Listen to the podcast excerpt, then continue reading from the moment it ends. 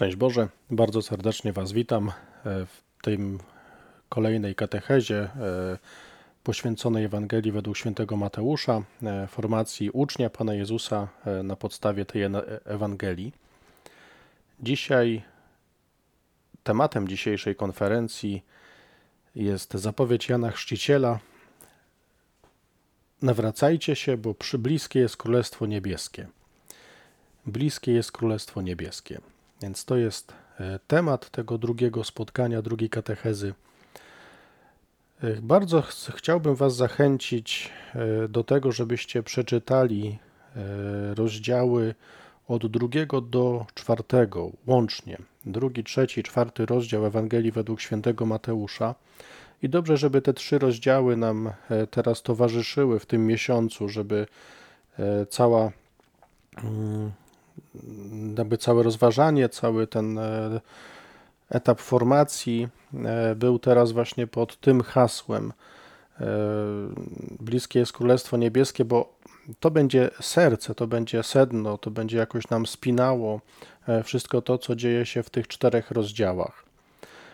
Zasadniczo Ewangelię według świętego Mateusza można podzielić na takich pięć bardzo ważnych mów.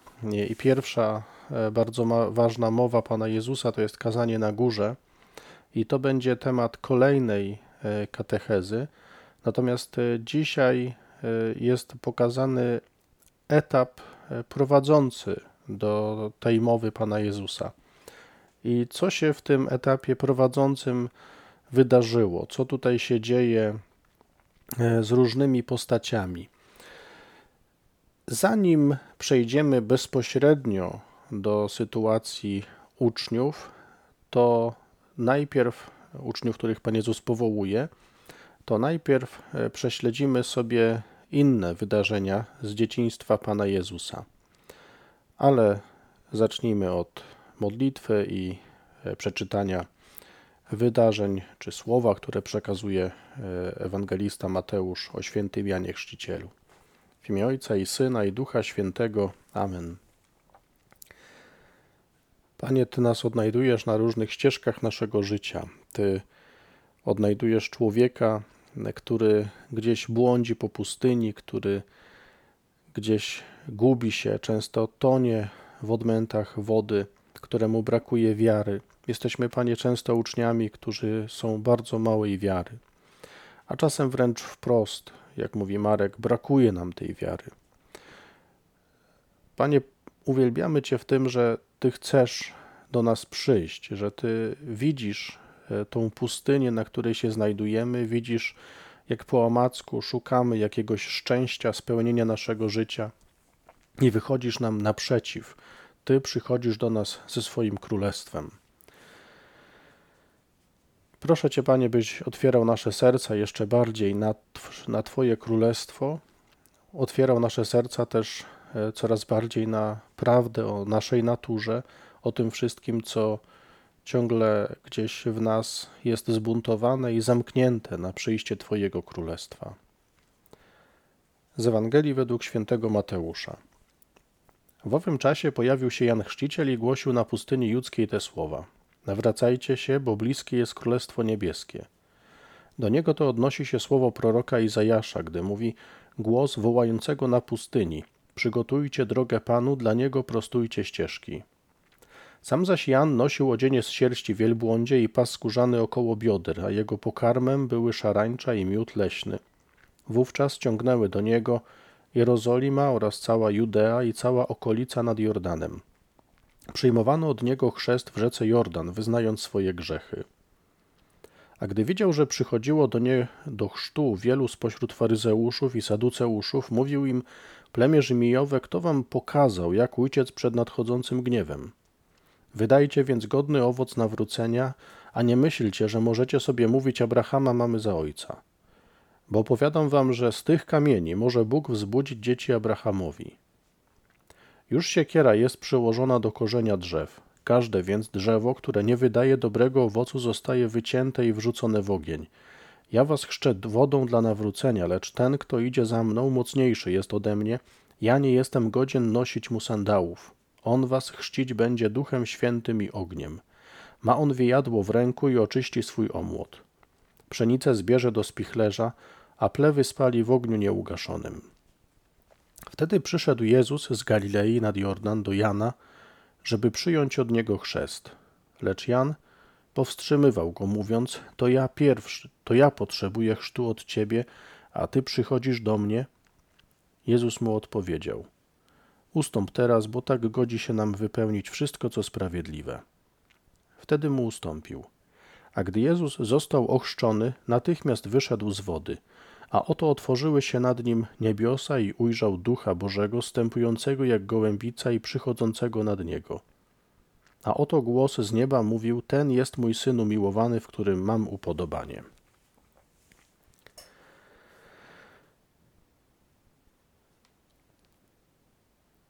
To jest słowo, które będzie nam e, spinało mm, całą katechezę. Ale najpierw zajrzyjmy do tego, co się wydarzyło e, w drugim rozdziale Ewangelii według świętego Mateusza. W pierwszym rozdziale mówiliśmy sobie o genealogii, e, o księdze początków, e, księga, księga początków, stwarzania tak naprawdę nowego świata. Było o narodzeniu Jezusa Chrystusa, o zapowiedzi, przepraszam, było o nawiedzeniu, o tym wszystkim, co, co się dzieje z przyjściem Pana Jezusa. Jak Maryja za sprawą Ducha Świętego właśnie znalazła się brzemienną, mm, o jej relacji z Józefem. To był temat pierwszej katechezy. Natomiast dzisiaj idziemy dalej, bo dzisiaj spotykamy się już z konkretnymi reakcjami na przyjście Pana Jezusa. I bohaterami tego początku przyjścia Jezusa są poganie, magowie, ale są też król Herod i różne autorytety religijne, e, którzy, które przewodzą religijności e, Izraela. Wszyscy ci ludzie mają jakąś konkretną reakcję, mają jakiś konkretny, konkretną postawę e, w związku z tym, że ma pojawić się e, król żydowski. Gdy zaś Jezus narodził się w Betlejem, w Judei, za panowania króla Heroda, oto mędrcy ze wschodu przybyli do Jerozolimy i pytali, gdzie jest nowonarodzony król żydowski. Ujrzeliśmy bowiem jego gwiazdę na wschodzie i przybyliśmy oddać mu pokłon.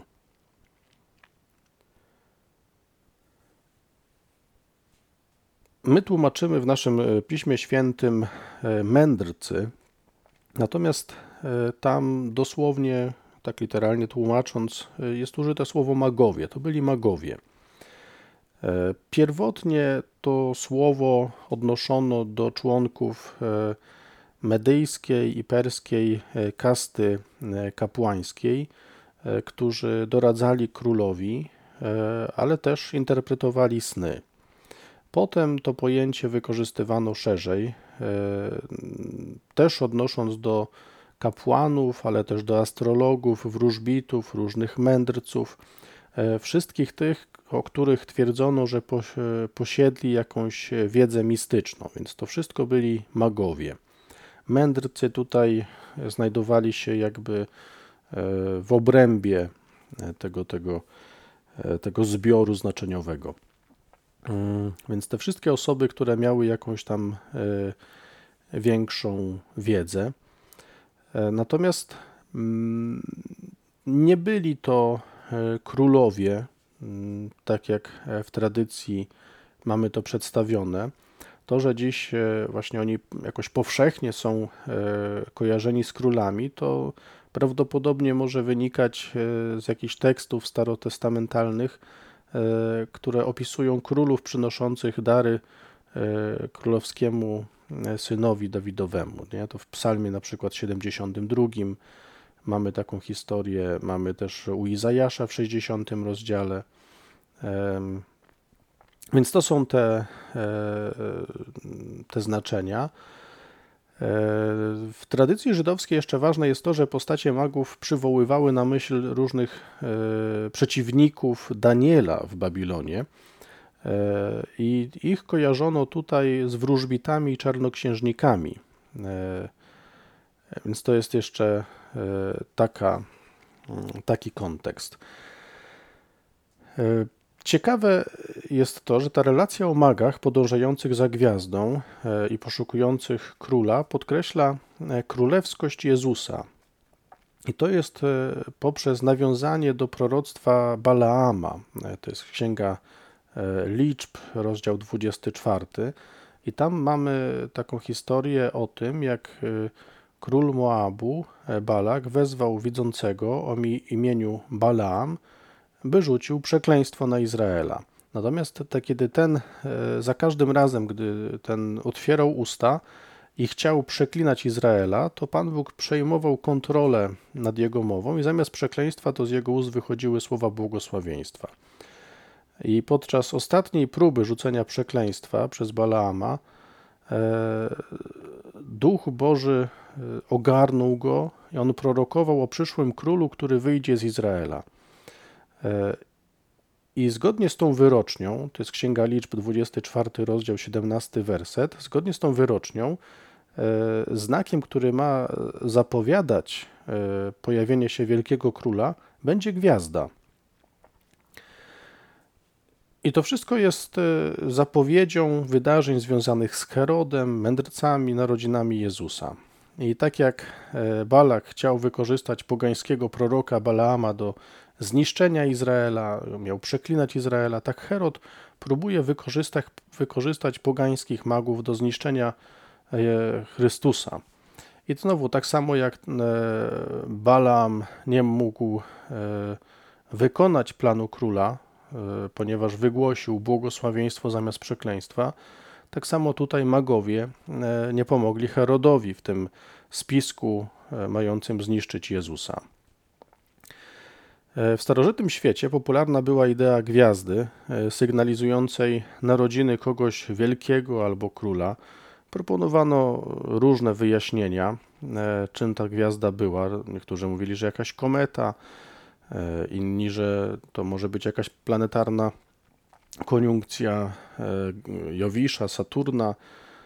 Jeszcze ktoś inny twierdził, że to może być wybuch jakiejś gwiazdy supernowej Natomiast e, no niezależnie od tego, co to jest, no to było to coś, co e, przeprowadziło, właśnie przyprowadziło tych magów e, do Izraela. Mm, no i dzięki temu oni zaczęli szukać tego króla. I teraz, gdy wieści o wyprawie tych magów rozeszły się po Jerozolimie, to to wzbudziło ogromne przerażenie króla Heroda.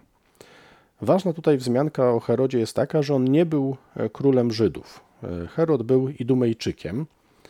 E, natomiast jego rodzinie udało się doprowadzić do tego, by Rzym wyznaczył tą rodzinę całą do, do panowania nad Żydami. I przybycie magów, którzy idą za gwiazdą i szukają nowonarodzonego króla żydowskiego, Mm, no i naturalnie wzbudza w Herodzie, nie będącym tak naprawdę etnicznym Żydem, e, wzbudza w nim ogromne przerażenie, bo no coś się dzieje, coś tutaj jest nie tak.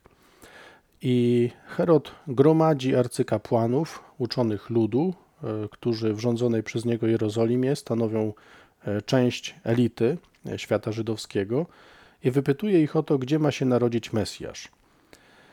E, I tutaj jest bardzo ważna e, wzmianka, bardzo ważny, myślę, mm, kontekst, ponieważ słowo, którego używa e, tutaj Mateusz, mówiąc, że zebrał ich, to jest słowo, którego później, czy w ogóle całe to zdanie, to jest zdanie, którego później używa Mateusz, kiedy pisze o arcykapłanach, e, którzy podejmują decyzję o zgładzeniu Jezusa przed męką już Pana Jezusa, już pod koniec Jego życia ziemskiego. I to jest e, bardzo ważna e, tutaj informacja. I teraz zbierając tak troszeczkę razem to wszystko, co teraz e, powiedziałem, zobaczcie, bardzo ciekawe jest to zestawienie. Z jednej strony mamy ludzi, którzy są poganami, którzy nie mają do czynienia bezpośrednio jakoś, nie są ukształtowani w tej tradycji żydowskiej, w tradycji judaistycznej, a jednocześnie mają jakieś doświadczenie faktycznie mistyczne i to sprawia, że oni chcą iść i oddać mu pokłon. I oni to robią. Faktycznie idą i chcą oddać e, pokłon Panu Jezusowi. E, Herod wypytuje o czas ukazania się gwiazdy, potem e, no, zbiera, chce, chce dowiedzieć się, gdzie to jest, prosi, Herod, prosi przepraszam, mędrców, magów, żeby mu powiedzieli potem, gdzie to, się, gdzie to miejsce się znajduje. No i podejmuje decyzję o zgładzeniu e, Pana Jezusa. Zobaczcie, właśnie mamy tych ludzi, którzy nie są ukształtowani przez tradycję e, żydowską, a idą oddać pokłon. Tam jest e, sformułowanie, że oni uklękli przed Chrystusem, dokładnie wręcz jest napisane, padli na twarz i oddali mu pokłon. A w tamtej tradycji E, to na twarz e, padało się tylko przed królem. Więc oni naprawdę uznali Jezusa jako swojego Pana. Przyszli i temu malutkiemu niemowlakowi e, oddają pokłon, nie po prostu po, tak z szacunku, który oddaje się komukolwiek, ale padają na twarz. I to jest e, naprawdę tak wprost wyznane. Zobaczcie, że nawet przed Herodem nie ma napisane, że przed Herodem uklękli, nie wiem, padli na twarz i oddali mu pokłon. Nie ma tego. Padli na twarz dopiero przed Jezusem. Nie zrobili tego przed Herodem. I tutaj mamy właśnie tych ludzi, a z drugiej strony mamy arcykapłanów uczonych w prawie, w piśmie, wszystkich tych, którzy właśnie są ukształtowani w tradycji Izraela. I co oni robią? Razem z Herodem się zbierają i już teraz się naradzają, co zrobić, żeby go zgładzić. Dokładnie to, co zrobią później, e, tuż przed śmiercią Jezusa. To jest bardzo mocne nawiązanie, e, którego używa Mateusz, bo pokazuje on, że tak naprawdę ten proces zaczął się dużo wcześniej, że to jest coś więcej że tu naprawdę zaczyna się ogromna walka duchowa i że to ta decyzja e, przed śmiercią Pana Jezusa mm, pod koniec Ewangelii Mateusza, każdej Ewangelii, to jest tak naprawdę tylko zwieńczenie tego, co się zaczęło dużo wcześniej. I Mateusz mówi, że oni już dużo wcześniej mieli w sobie po prostu zamknięcie na tego króla, kimkolwiek by on nie był mieli w sobie zamknięcie. Nie było w nich zgody na to, żeby się zmieniło coś w ich życiu. Nie było w nich zgody na to, żeby przyszło coś niespodziewanego. Bardzo ciekawe jest to, że jednocześnie ci ludzie mówią o tym, że coś takiego się stanie. Mówią o tym, że przyjdzie Mesjasz, mówią o tym gdzieś oczekują, wzywają też cały naród właśnie do oddawania chwały Panu, oczekując, przygotowując się do Jego przyjścia. Ale to są tylko słowa. Mieliśmy teraz niedawno, wczoraj Ewangelię e, w niedzielę, właśnie o ludziach, którzy dużo rzeczy, dużo rzeczy pięknych mówią. A Jezus mówi: Słów ich słuchajcie, ale czynów nie naśladujcie. Bo jest jakieś duże zakłamanie. I to jest bardzo ważny kontekst. Bardzo ważne to, co e, tutaj próbuje nam mm, Mateusz przekazać. I z tego kontekstu e, przechodzimy, no, pominę ten fragment, mm, który mówi o ucieczce do Egiptu, e, potem powrót do Nazaretu. Mm, tutaj zobaczcie, już jest dużo e, takich delikatnie przemycanych szczegółów. Muszą iść do Egiptu, a potem wracają do Nazaretu. By pojawiają się takie delikatne sygnały, delikatne e, wątki, pokazujące, e, że naród wybrany właśnie tą drogą przechodził. Najpierw znalazł się w Egipcie, potem z Egiptu idzie do ziemi obiecanej. Jezus jakby wchodzi w tą drogę. Już Mateusz próbuje nam przemycić, że, że to przyjście nowego króla, e, króla żydowskiego, ma coś wspólnego z tą drogą. Że to jest droga właśnie do Egiptu, uciekając przed śmiercią, potem droga do Nazaretu, ale ciągle trzeba uważać. Nie? To jest, e, gdy Herod umarł, oto Józefowi w Egipcie ukazał się anioł pański we śnie i rzekł: Wstań, weź dziecię i jego matkę i idź do ziemi Izraela, bo już umarli ci, którzy czyhali na życie dziecięcia. On więc wstał, wziął dziecię i jego matkę i wrócił do ziemi Izraela. Lecz gdy posłyszał, że w Judei panuje Archelaos w miejsce ojca swego Heroda, bał się tam iść. Otrzymawszy zaś we śnie nakaz, udał się w okolice Galilei, przybył do miasta zwanego Nazaret i tam osiadł. Tak miało się spełnić słowo proroków, nazwany będzie Nazarejczykiem. I bardzo ciekawe, zobaczcie tutaj w tym kontekście jest znowu to, że właśnie zewnętrznie może się wydawać, że wszystko jest e, gdzieś z lęku, że, że wszystko jest jakoś mm, pod panowaniem tych wielkich tego świata, nie? że ten początek życia Pana Jezusa to jest jedna wielka ucieczka, zmaganie się, jakieś ryzyko, że ci, którzy mieli go przyjąć, stanowią dla niego zagrożenie i to śmiertelne zagrożenie, a jednocześnie zobaczcie, Mateusz podkreśla, że tak należało wykonać, że tak miało się stać i to wszystko jest realizacją słowa proroków. Tak miało się spełnić słowo proroków. To bardzo jest, bardzo myślę, ważne, trochę jakby w kontekście też tego, co mówiliśmy wcześniej, że że Bóg stwarza ten świat i od samego początku ten świat mm, zmaga się z różnymi trudami. Od samego początku w tym świecie jest dużo biedy, dużo trudu, ale to nie jest tak, że to jest poza e, zasięgiem Pana Boga. To się mu nie wymknęło. To naprawdę jest pod jego panowaniem, chociaż tego teraz nie widać.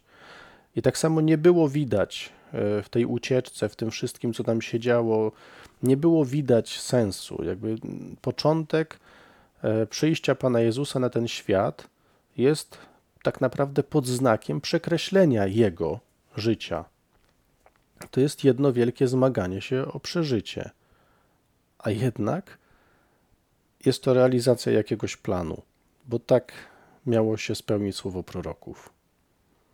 To pokazuje, że to naprawdę Pan w tym wszystkim jest i on tym wszystkim się posługuje.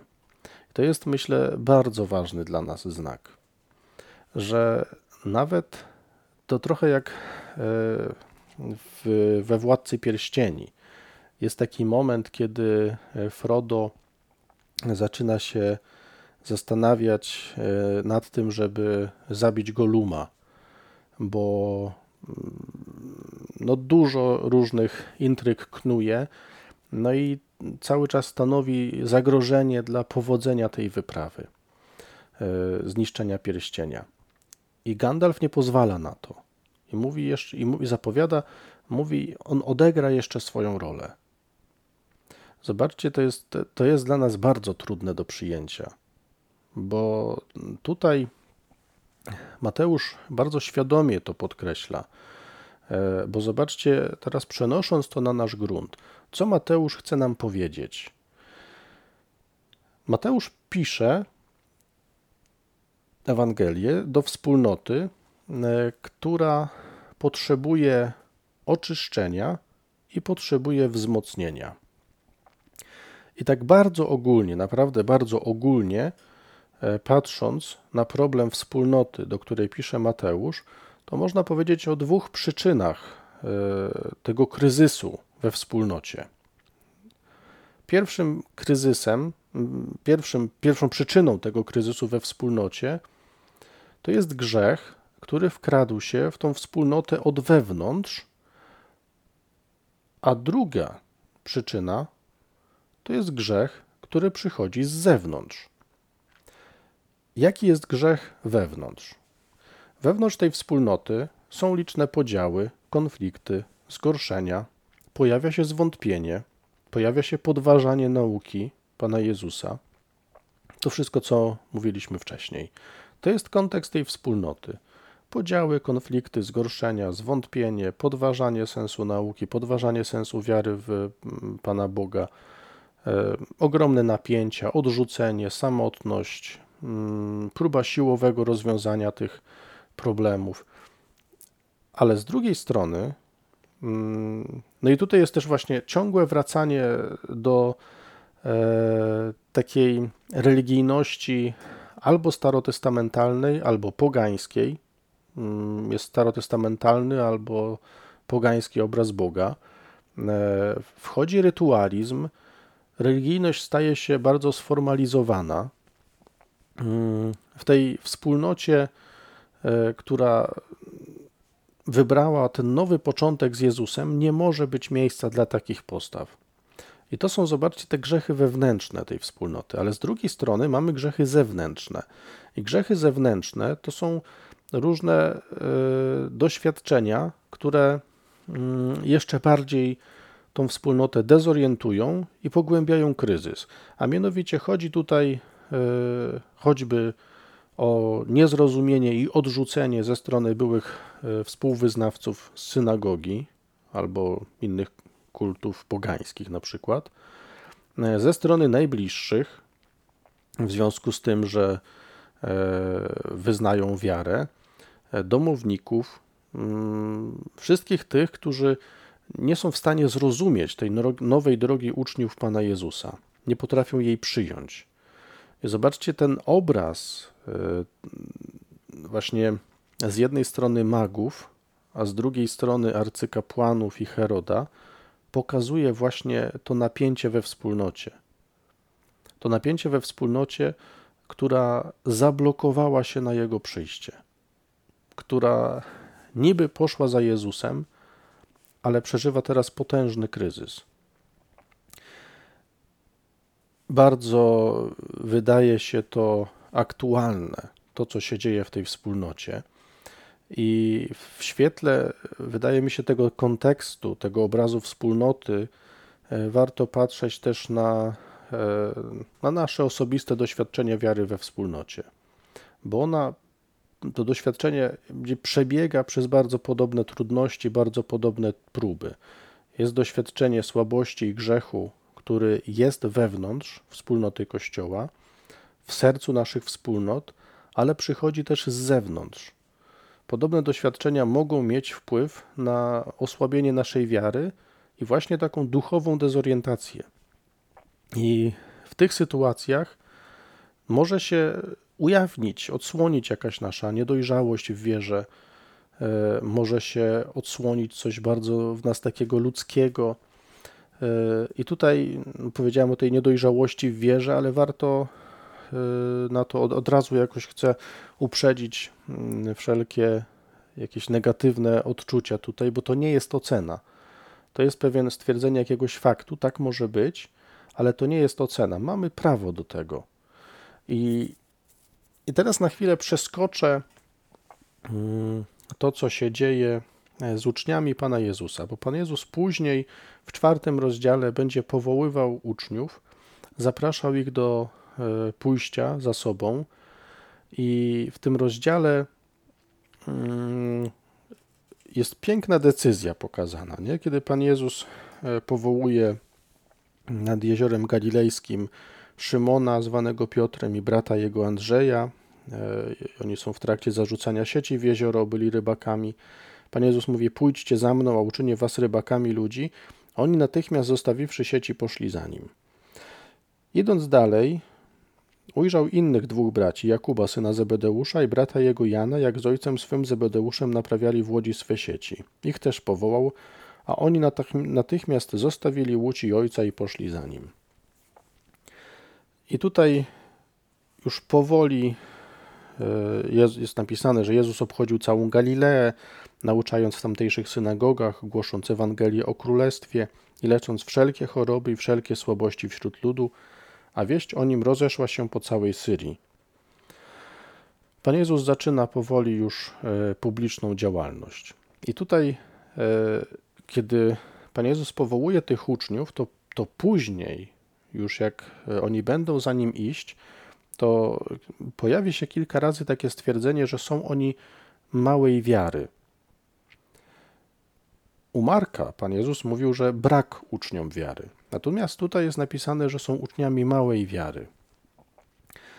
I, I tutaj wracam do tego, co powiedziałem o tej niedojrzałości, bo te wszystkie trudności, które są wewnątrz wspólnoty albo na zewnątrz wspólnoty, wszystko to, co może wprowadzać nas, w nas jakiś yy, zamęt, na, a nas samych prowadzić w jakąś taką dezorientację, bardzo dużo się teraz o tym słyszy. Bardzo dużo ludzi się właśnie tak wypowiada o, o swojej wierze i to, to nie zawsze wynika z jakiegoś zaniedbania. To nie jest e, często wina nas. Po prostu to wszystko sprawia, że naprawdę jesteśmy zdezorientowani i nie wiemy, co dalej. I Jezus mówi o małej wierze.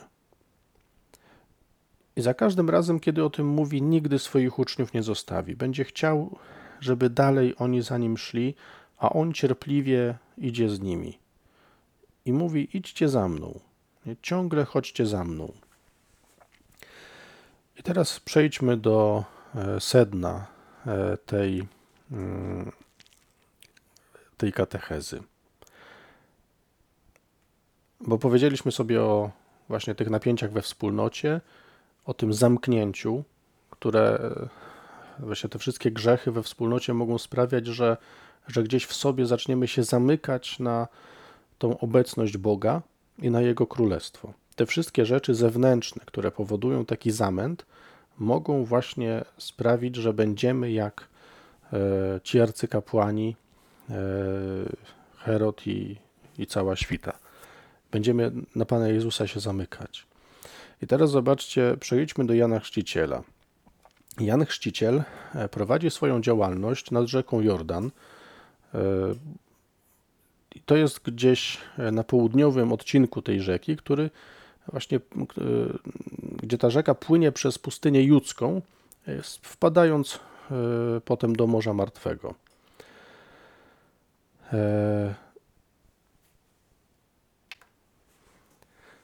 Dwa symbole tej działalności Jana Chrzciciela związane z geografią. Pierwsze rzeka Jordan. To nie jest przypadek, że Jan wybiera akurat to miejsce. Rzeka Jordan była dla Żydów e, czymś więcej niż tylko rzeką. To był potężny symbol nadziei i nowego życia. I tutaj nad Jordanem Bóg uczynił wielkie dzieła. Tu uzdrowił e, z trądu Syryjczyka Naamana w Księdze Królewskiej, drugiej Księdze Królewskiej jest opis, piąty rozdział E, tego uzdrowienia. Tutaj uniósł proroka Eliasza do nieba w wozie ognistym, też Księga Królewska, druga Księga Królewska, rozdział drugi. E, przez rzekę Jordan Bóg przeprowadził też Izraelitów na koniec ich 40-letniej wędrówki z Egiptu do ziemi obiecanej. E, Jordan reprezentuje, zobaczcie, z jednej strony no, życie, nadzieję, uleczenie z wielu trudności, ale z drugiej strony jest też y, takim punktem kulminacyjnym całego wyjścia i symbolizuje wypełnienie Bożego planu doprowadzenia Izraela do ziemi obiecanej, do ziemi Kanaan. Więc ten pierwszy element geograficzny jest bardzo ważny i drugi, pustynia judzka, tutaj też jest bogata symbolika, e, bo to miejsce przypomina właśnie o wyjściu, to właśnie na pustyni, w trakcie swojej wędrówki do ziemi obiecanej, Izrael został ustanowiony Bożym ludem przymierza. I pustynia przywodziła na myśl nadzieję co do przyszłości Izraela, nadzieję na nowe wyjście, poprzez które Bóg uratuje lud od jego obecnych oprawców, tak jak dawno temu wyzwolił go od faraona. I prorocy właśnie przepowiadali to, że Bóg znowu wyprowadzi swój lud na pustynię, by odnowić z nim swoje przymierze. Ozeasz tak mówi, Ozeasz mówi o e, w drugim rozdziale księgi proroka Ozeasza jest takie zdanie, dlatego zwabię ją i prowadzę na pustynię i przemówię do jej serca. E, w owym dniu zawrę z nimi przymierze, poślubię cię sobie na wieki. E, Ozeasz, mówiąc o pustyni, mówi o grzesznym ludzie też, ale mówi, że Bóg jakby porównuje to do relacji małżeńskiej. On wprost mówi o Bogu, który zabiega o swoją niewierną żonę i chce wyprowadzić ją na pustynię, żeby mówić do jej serca.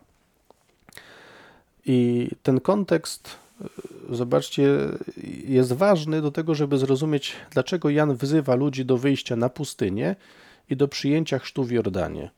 Takie wezwanie właśnie sygnalizuje, że wkrótce spełni się wszystko, na co Żydzi oczekiwali.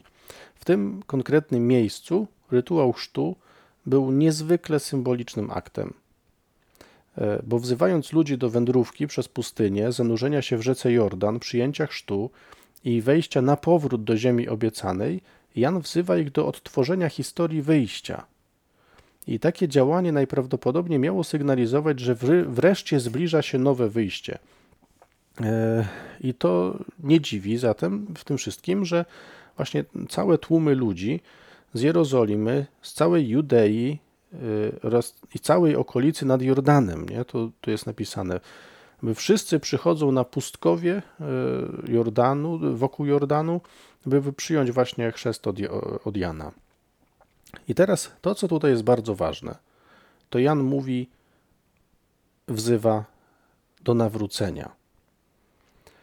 I chodzi, zobaczcie, właśnie to, to pewnie już wielu z Was na milion różnych sposobów o tym słyszało, że to nawrócenie metanoeite, e, nawracajcie się, czyli zmieniajcie myślenie albo inaczej zmieniajcie nastawienie, e, zmieniajcie stosunek do czegoś. E, chodzi o zawrócenie, powrót jakiś. Tu chodzi o, o zmianę, całkowitą przemianę myślenia i postępowania. I to, to jest naprawdę takie jakby u, ukorzenia, nie? To, to w, samym, na samym, w samym fundamencie muszę coś zmienić. W samym fundamencie muszę zupełnie e, coś przebudować. Mm, to jest bardzo ważne, że, że Jan jakby mówi tutaj o samym fundamencie. Dlaczego? Ano dlatego, że w tym fundamencie coś może być tak popsute, że będzie w nas właśnie taka postawa jak u faryzeuszów czy jak u arcykapłanów bardziej niż u faryzeuszów. Że będzie totalne zamknięcie na Jezusa. Totalne zamknięcie też na Jego e, królestwo. I teraz zobaczcie, e, mm, tu jest też bardzo ważna e, sprawa, bo mm, Jan włącza się tutaj z jednej strony w tradycję proroków starotestamentalnych, e, tradycję, e, która wzywa do odwrócenia się od grzechu i powrotu do Pana, ale tutaj jest ukryte coś więcej, bo za tym wezwaniem do nawrócenia kryje się tak naprawdę przekonanie, że naród e, idzie prostą drogą do samozniszczenia I to wezwanie ma taki naglący charakter. Jan mówi, że y, coś, i tutaj właśnie jest coś odmiennego, nie? że to, to naród zmierza prostą drogą do zniszczenia, ale z drugiej strony właśnie Jan mówi, że bliskie jest Królestwo Niebieskie. I to jest coś, czego nie obwieszczał wcześniej żaden prorok. Wcześniej po prostu wzywano do nawrócenia. A Jan mówi w bardzo naglący sposób, mówi nawracajcie się, bo bliskie jest Królestwo Niebieskie. E, I jakby daje do zrozumienia, że teraz jesteśmy w wyjątkowej okazji do nawrócenia, e, które ma się dokonać teraz albo nigdy. Określenie Królestwo Niebieskie nie odnosi się tutaj do miejsca. Tu nie chodzi o jakiś rejon na świecie czy we wszechświecie, w którym mieszka Pan Bóg, Jego aniołowie i tak dalej. To jest, to jest coś, mm, coś więcej. To jest po prostu działanie Boga jako władcy, już tu i teraz, nawet na świecie. Tutaj też może być Jego królestwo. I tutaj jest jeszcze ważne jedno odniesienie, bo e, Jan, kiedy mówi, że nawracajcie się, bo bliskie jest Królestwo Niebieskie, wraca też do pewnej tradycji, która była w Izraelu. Bo zobaczcie, e, przed Dawidem królem Izraela był Saul, a przed Saulem Izrael nie miał króla. Dlaczego?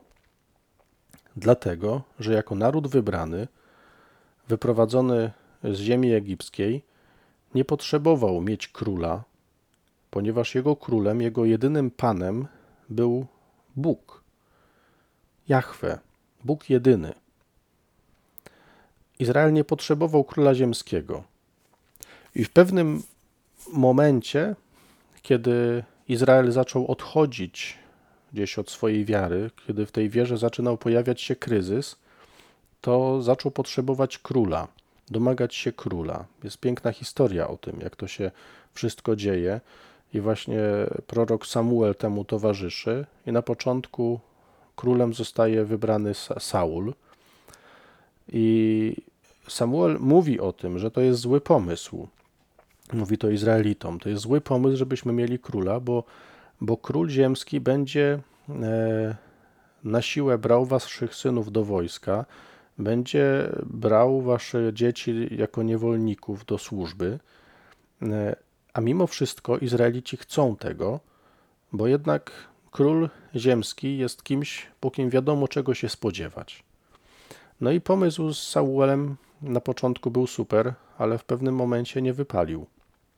No i Y, Pan namaszcza, wybiera innego króla w miejsce Saula. Potem jest Dawid, całą tą historię też myślę znamy. No i tak jest aż do tej pory.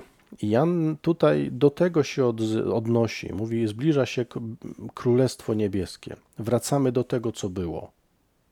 Do tego momentu, kiedy doszliśmy do ziemi obiecanej i mieliśmy jedynego Pana Jahwe. Do tego wracamy. Ten czas teraz jest ogromną szansą, żeby zacząć myśleć po Bożemu.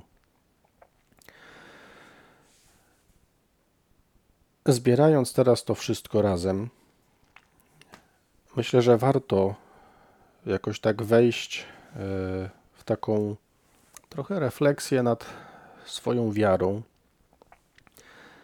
e, nad tym wszystkim, co sprawia, że czuję się zdezorientowany w mojej wierze, ale przede wszystkim wydaje się, że nad tym, gdzie potrzebuję zmiany myślenia, gdzie potrzebuję przemiany mojego serca, gdzie potrzebuję otwarcia na to Królestwo Pana.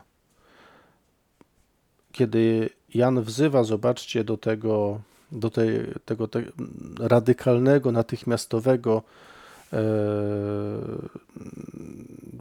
zdecydowania, tej, tej, tej takiej zdecydowanej, natychmiastowej decyzji, to potem jest właśnie historia o tym, jak Pan Jezus powołuje apostołów i zobaczcie, właśnie jest jakby to współgranie. Oni natychmiast, oni przyjęli to wezwanie do nawrócenia, zmiany myślenia, są otwarci na to, natychmiast. Natychmiast poszli za nim. Zostawili sieci i poszli za nim. Natychmiast. E, I to jest e, postawa właśnie ucznia, który chce się nawracać natychmiast. Z tym chciałbym Was zostawić. Możemy być jak Herod i całe jego towarzystwo i już zbierać się, żeby knuć, żeby budować po ludzku, Zobaczcie, że ci ludzie, którzy gromadzą się wokół Królestwa Ludzkiego, są bardzo mroczni. Tam towarzyszy śmierć. Mamy króla Heroda i wszyscy ci, którzy gromadzą się wokół tego króla i myślą po ludzku, kalkulują po ludzku, jestem przekonany, że wszyscy ci ludzie to robili w dobrej wierze. Naprawdę, może poza, poza Herodem, który był, no, przepraszam, był draniem, to poza nim cała ta, całe to towarzystwo arcykapłanów, uczonych, to oni naprawdę gdzieś mieli w sobie przekonanie, że robią słusznie. Gromadzą się wokół tego króla, ale tak naprawdę nawet nie widzą, jak, e, no jak, jak, jak, jak duże zło powodują. I to jest też bardzo ciekawy kontekst, nie tych ludzi, którzy gromadzą się wokół króla ziemskiego. Z drugiej strony Jan mówi: zmień nastawienie. Przestań patrzeć na tego króla e, ludzkiego. To też myślę, nie chcę tutaj o wyborach mówić oczywiście, ale myślę, że warto też e, trochę spojrzeć na siebie też w tej perspektywie. Jak patrzymy na e, nasze życie właśnie z tej, w, w tym aspekcie. Nie? Czy tak bardzo dużą nadzieję pokładam w człowieku? A tak naprawdę ten czy tamten to jest człowiek i on będzie słaby, tak jak zapowiadał Samuel. Ten człowiek będzie popełniał błędy, taki czy inny.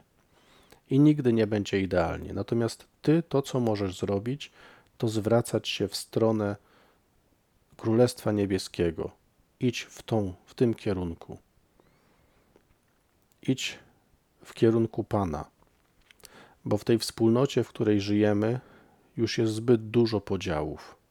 W tej wspólnocie, w której żyjemy, jest zbyt dużo zgorszenia. W tej wspólnocie, w której żyjemy, jest zbyt dużo konfliktów, wojen, zwątpienia. W tej wspólnocie też uciekamy się do jakiegoś właśnie rytualizmu, religijności sformalizowanej. I wszyscy jakoś chcemy być z Jezusem, wszyscy chcemy stanąć po Jego stronie, ale potrzebujemy tu naprawdę zmiany, bo możemy być z Jezusem, stawać po Jego stronie, a ciągle próbować budować królestwo po ludzku. Spróbujmy otworzyć się na Pana, który chce otworzyć to królestwo i chce nas przeprowadzić przez pustynię nie będzie łatwo, bo przeprowadzenie przez pustynię sprawia, że nie możemy czuć się bezpiecznie. Będziemy czuć, że jest jakiś kryzys w nas. Będziemy czuli, że coś nie idzie. Będziemy czuli, że no właśnie mamy, nie mamy twardego, twardego gruntu pod nogami, jest piasek, to nie daje nam poczucia bezpieczeństwa. Nie widać też wody, to nie daje właśnie stabilności, to nie daje um, jakiegoś poczucia panowania nad sytuacją. Ale pozwól Panu przeprowadzić się przez tą pustynię z taką świadomością, że On tutaj chce Ci mówić do serca. I za chwilę zacznie mówić. Za chwilę będzie pierwsze kazanie na górze. Mm, pierwsze kazanie, ono będzie na górze. Jezus będzie mówił tam do Twojego serca.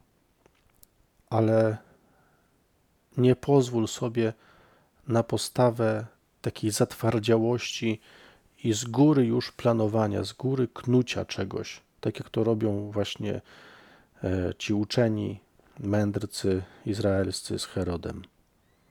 Niech Pan w nas da postawę magów, bo być może czasem nasza wiara jest bardzo pogańska ale jednocześnie Pan nawet w tej postawie może zrobić coś wielkiego. W tej wierze może zrobić coś naprawdę gigantycznego. Dla niego to nie jest problem. Nawet magów doprowadził do oddania pokłonu Jezusowi. A tych, którzy byli ukształtowani przez tradycję Izraela, nie dało się, bo byli zbyt skostniali. Bardzo Wam e, dziękuję. Wszystkiego dobrego życzę. Z Panem Bogiem.